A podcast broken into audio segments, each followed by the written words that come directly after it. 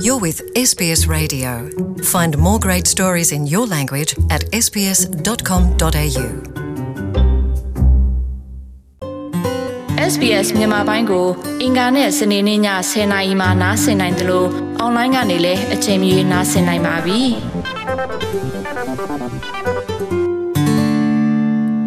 တော်ရရှိမြခင်ဗျာယခုရွေးကောက်ပွဲ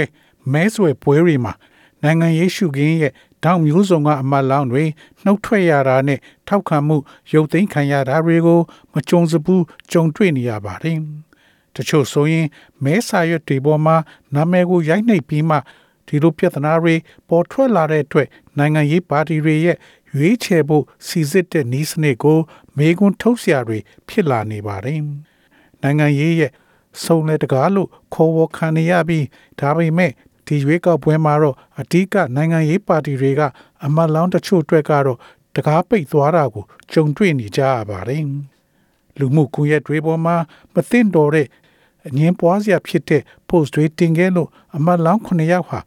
နှုတ်ထွက်တာသို့မဟုတ်ထောက်ခံမှုရုပ်သိမ်းတာကိုခံခဲ့ရပါတယ်။ Liberal Party က Tasmania ကအမတ်လောင်း Jessica Whelan Victoria ပြည်နယ်ကအမတ်လောင်း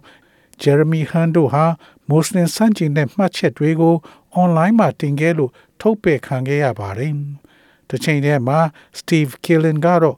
လိန်တူဆက်ဆံသူများကိုမကြိုက်နှစ်သက်တဲ့မှတ်ချက်တွေတင်ခဲ့တဲ့အတွက်နှုတ်ထွက်ခဲ့ရပါတယ်။ Labor Party ဘက်မှာတော့ Luke Creasy က Facebook ပေါ်မှာအမျိုးသမီးတွေကိုချိုးနှိမ်ပြောဆိုထားတာတွေပေါ်ထွက်လာပြီးနှုတ်ထွက်ခဲ့ရသလို Wayne Kernot ကတော့ online ပေါ်မှာဂျူးမုန်းတီးတဲ့မှတ်ချက်တွေတင်ခဲ့လို့ပါတီရဲ့ထောက်ခံမှုရုပ်သိမ်းခံခဲ့ရသလို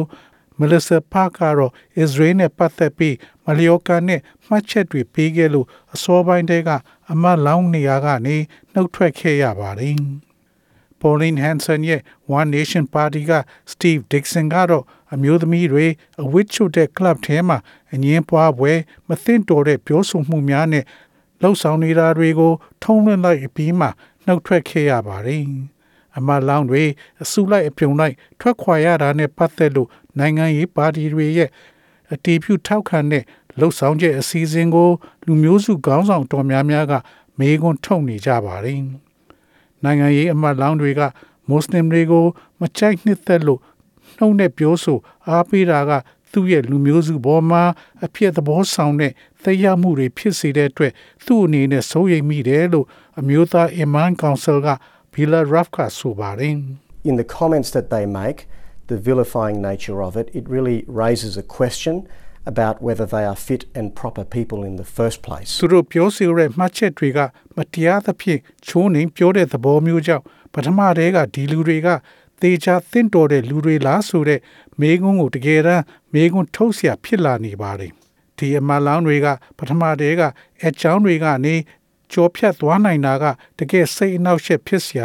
Mr. Ruff ကဆိုပါတယ် And that is a real concern because that stokes fear, it stokes division, it stokes hatred. And words have an effect. We've seen that, unfortunately, how that can culminate in Christchurch and other places around the world. ဒီတော့ဒါကတကယ်စိုးရိမ်စရာပါ။ဘာကြောင့်လဲဆိုတော့ကြောင်းရမှုတွေကိုဆွပေးပါတယ်။ခွဲခြားမှုတွေကိုဆွပေးပါတယ်။ မုန်းတိမှုတွေကိုဆွပေးပါတယ်။စကားလုံးတွေကသက်ရောက်မှုရှိပါတယ်။ Christchurch နဲ့ကမ္ဘာတဝန်းကနေရာတွေမှာကန်ဆိုးခြင်းနဲ့ဘလို့အဆုံးသတ်လဲဆိုတာတွေကို ကျွန်တော်တို့တွေးကြရပြီးဖြစ်ပါတယ်။ဒီအမလောင်းတွေကဥတီချက်ထားတိုက်ခိုက်ပြောဆိုခံရတဲ့နောက်အဖွဲ့တစ်ခုကတော့ LGBTIQ+ အဖွဲ့ပင်ဖြစ်ပါတယ်။ဥပဒေထောက်ခံမှုပေးတဲ့အဖွဲ့ Equality Australia က Anna Brown ပြောတာကတော့ နိုင်ငံရေးပါတီတွေအနေနဲ့သူတို့သုံးနှုန်းတဲ့စကားတွေကိုသတိထားသုံးသင့်တယ်လို့ဆိုပါတယ် we have to think about the impact of words, and particularly for LGBTIQ people, um, when people express homophobic or transphobic attitudes, this does affect their mental health and it can also lead to increases in hate crime. ဒီစကားလုံးတွေရဲ့သက်ရောက်မှုကိုကျမတို့စဉ်းစားသင့်ပါတယ်အထူးသဖြင့် LGBTIQ လူတွေကိုပါလူတွေကလိင်တူဆက်ဆံတာ စန့်ကျင်တာသို့မဟုတ်ပင်ကိုလိန်စိတ်ပြောင်းနေသူတွေပေါ်မှာထားတဲ့သဘောထားတွေကိုဖော်ပြတဲ့အခါမှာပါဒါကသူတို့စိတ်ချမ်းသာရေးကို ထိခိုက်စေနိုင်ပြီးမုံတီးခြင်းရာဇဝဲမှုတွေတိုးမြင့်လာတာစီသို့ဥတီစေပါတယ်အမလောင်းတွေရွေးချယ်တဲ့နီးစနစ်ထောက်ခံပေးမှုစနစ်နဲ့စစ်ဆေးမှုတွေက နိုင်ငံရေးပါတီတွေအတွင်းမှာတကယ်လေးနဲ့တဲ့ကိစ္စဖြစ်တဲ့နယ်လို့ Miss Brown ကဆိုပါတယ် It's incumbent upon those parties to deal with candidates that are expressing homophobic or prejudicial views um, and discipline them accordingly. အမလောင်းတွေကလိန်တူဆက်ဆန္ဒကိုလက်မခံတာသို့မဟုတ်ထိခိုက်နစ်နာစေမဲ့အမြင်တို့ကိုထုတ်ဖော်ပြောတာတွေကိုအဲ့ဒီပါတီတွေရဲ့တာဝန်ရှိသူများကတင့်တော်သလိုအရေးယူအပြစ်ပေးရမှာပါ ထိခိုက်နစ်နာတဲ့အမြင်တွေက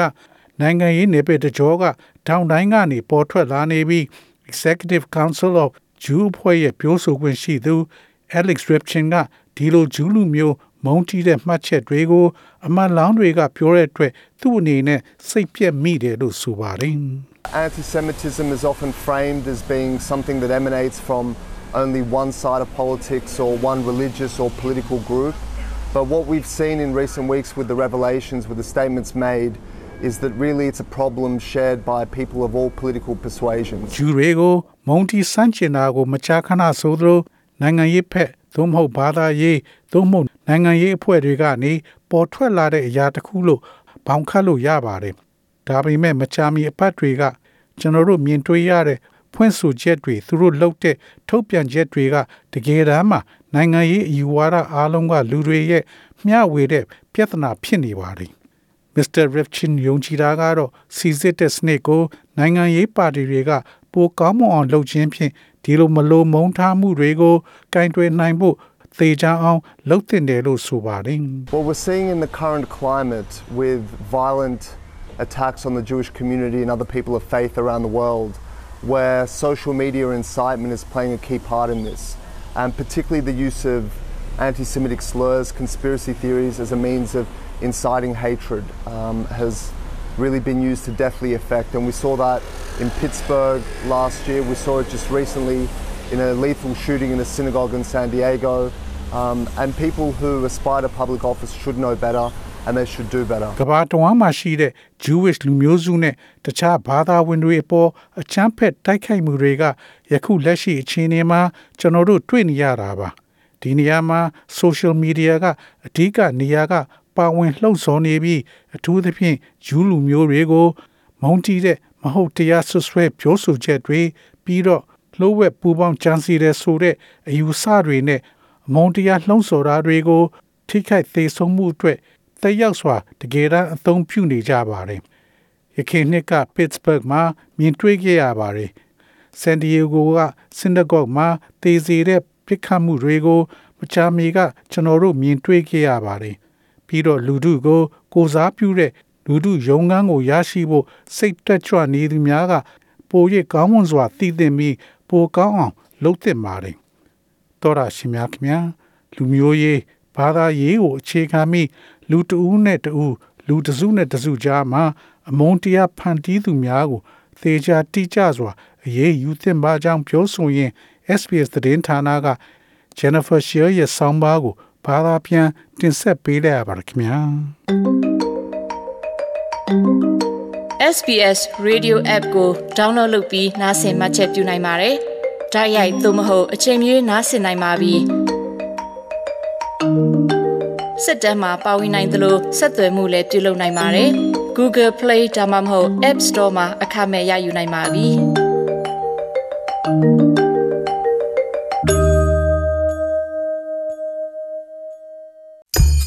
Tell us what you think. Like us on Facebook or follow us on Twitter.